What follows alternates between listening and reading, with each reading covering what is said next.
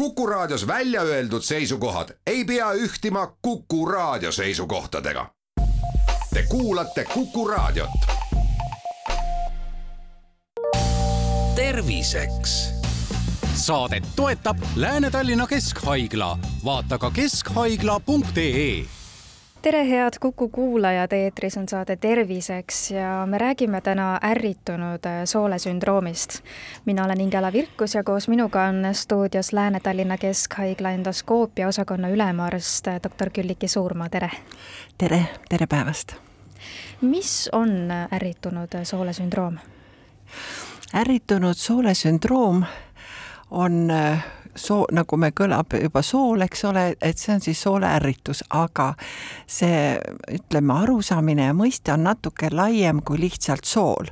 et äh, tihtipeale võib, kui meie poole pöörduvad haiged, äh, nad kaebavad väga palju, annavad kaebusi väsimust, isegi iveldust, peavalu, depressiooni, et sa kuuled, see taust on siis selline küllaltki lai ja äh, siis selleks, et välja selgitada ärritatud soolesündroomi ja mis seda üldse on, see tähendab teiste sõnadega, et see on ühe soole, jämesoole rohkem äh, ärritus, kui meil on probleemid äh, seedimisega, meil on kas siis kõhulahtisus või kõhusinnisus või kõhuvalu ja see on muidugi, kõik käib läbi närvisüsteemi. on aju on olemas soole sisemine innervatsioon, nimetame sümpaatiline ja parasümpaatiline närvisüsteem, mis annab omaette siis signaale, kuidas see sool peaks töötama. ja mikspärast siis see depressioon ja see jutt on siis, on sellest tingitud, et et kui me oleme murelikud, kui meil on stressi rohkem ja me teame isegi, kui me lähme eksamile siis meil tihtipeale on kõht lahti. see muidugi pole veel ärritatud soolesündroom, ärritatud soolesündroomi mõiste on pikem ja kauem ja see võib olla lapsest saadik ja võib olla ka vanematel inimestel, see võib olla igas eas, see võib kaasneda teistele haigustele. Ja selle haiguse selles mõttes mõte on see, et me saame öelda praegu, et siiski seal taga ei tohiks olla põletikku, kuigi kes teab, mis teadlased veel ütlevad. aga see nagu on meil nii-öelda funktsionaalne häda, et otseselt nagu põletikku ei näe, haavandid ei näe, kui me sooli uurime, aga haigel vaevused on ja need võivad siis tõesti olla nii kas kõhukinnisus, lahtisus või valu. ehk siis pigem tekitab seda stress või mingi närviprobleem, mitte niivõrd toitumine no eh, siin on kaks asja koos, et ühtepidi on muidugi stressi teema, kuid teiselt poolt ikkagi ka toitumine mängib siin ikkagi teatud rolli, sellepärast et ma just mõtlesin selle peale, kui mõtlesin selle ärritatud soolesündroomi peale, et et paralleelselt neil sageli ju kaasneb ka see düspepsia, see on see mao kaebus, et täistunne kõhus ja nii.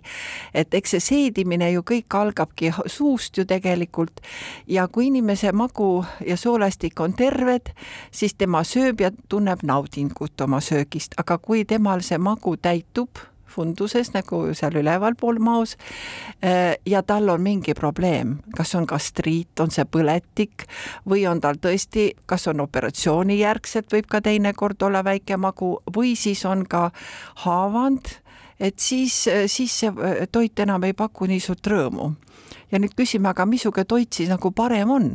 et ma tahan öelda seda, et kui me mõtleme, kuidas see magu töötab ja kuidas see peristaltik on, öeldakse, et seedimine maos kaks tundi Eh, rasvaste toitudega on raskem ja ta seedib kauem.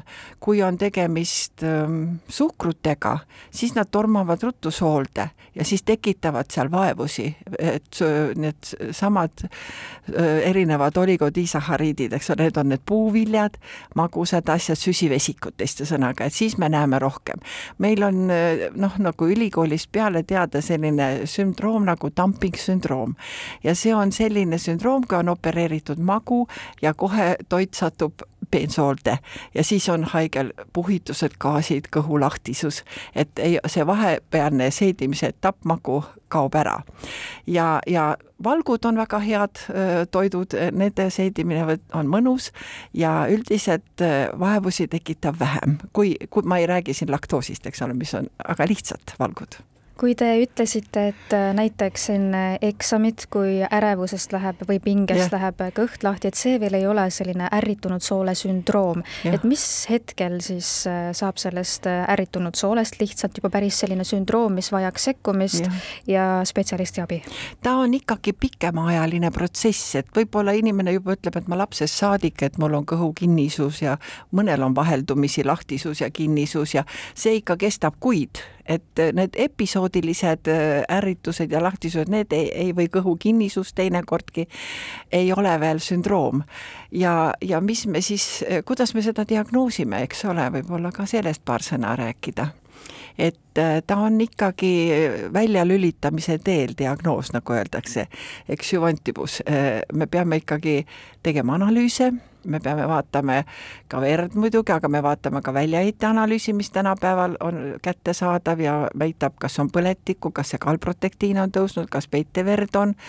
Ja, ja siis on see koloskoopia või siis ka veel täiendavad äh, muud maauuringud, nii edasi, et ähm, et see on jah, välja, siis kui me ei leia midagi, me ei leia haavandit, me ei leia põletikku sooles, visuaalselt on ilus ja noh, siis me mõtleme ärritatud soolesündroomile.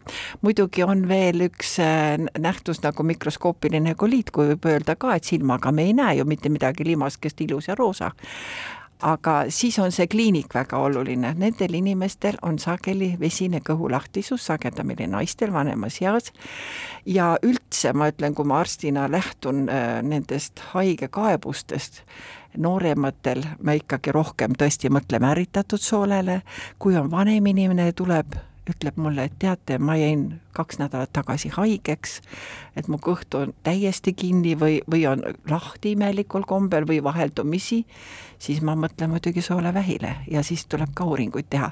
et alati nagu pead mõtlema, mis variandid tulevad kõne alla ehk et natukene on nagu selline, et välistame ühed asjad ära, kuni jõuame välistame ära jah, see on nagu välistamise diagnoos. kuigi tänapäeval me eh, noh, ütleme see ärritatud soolesündroom, eh, uuringuid tehakse ja, ja ei ole veel kõik lõpuni selge kui äh, levinud on täna üldse selline ärritunud soolesündroom, kui palju seda eestlastel on, et kas saab üldse niimoodi umbkaudu mingi hinnangu anda, sest et äh, ma eeldan, et äh, paljud ei tule tegelikult selle probleemiga arsti juurde? ei tulegi. ma arvan, et see võib peaaegu igaühel elust olla mingi periood võib-olla, aga, aga ta protsent, ma ei, täpset arvu ei oska öelda, aga ma arvan, et populatsioonis kindlasti üle poolte võib olla, et ta on ikkagi levinud. ja teinekord ta kaasneb ka soolepõletikuse haigusega, haigusel näiteks, kellel on see soolepõletikuline haigus ja me vaatame teinekord, et analüüsid on nagu korras, ravimid on kõik määratud ja haige ikka noh, ütleb kõht valutab ja ei ole vahest hea, siis on ikkagi tegemist ka teinekord lisaks veel ärritatud soolesündroomiga. kas on veel mingeid haigusi, millega see võib kaasneda, et te mainisite, et kui näiteks põletik on, siis võib ärritunud soolesündroom sellega kaasneda?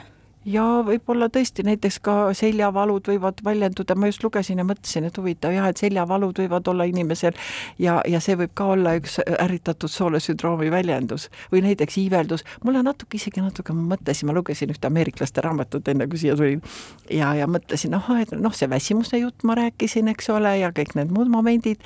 Ja et iiveldus ja, ja no ühesõnaga sellised üldised kaebused ja, ja siis jah, võivad olla, et äh, lõpuks tuleb välja, et on ikkagi ärritatud sool. aga vastupidi, et see ärritunud ah. sool on mingi teise haiguse selline sümptom või äh, ähm, kaasneb mingi haigusega? no võta niimoodi võib-olla juhul, kui on tegemist näiteks konkreetse kõhukinnisusega ja ainult kõhukinnisusega, no siis, siis ta võib olla äh, mingi muu põhjus, võib olla seal ju teinekord seljatraumad ja neuroloogia, igasuguseid põhjusi, lama ja haige ja vereringe ja ja vanemad inimesed liiguvad vähe ja ei joo vett ja, ja sellised seisukohad.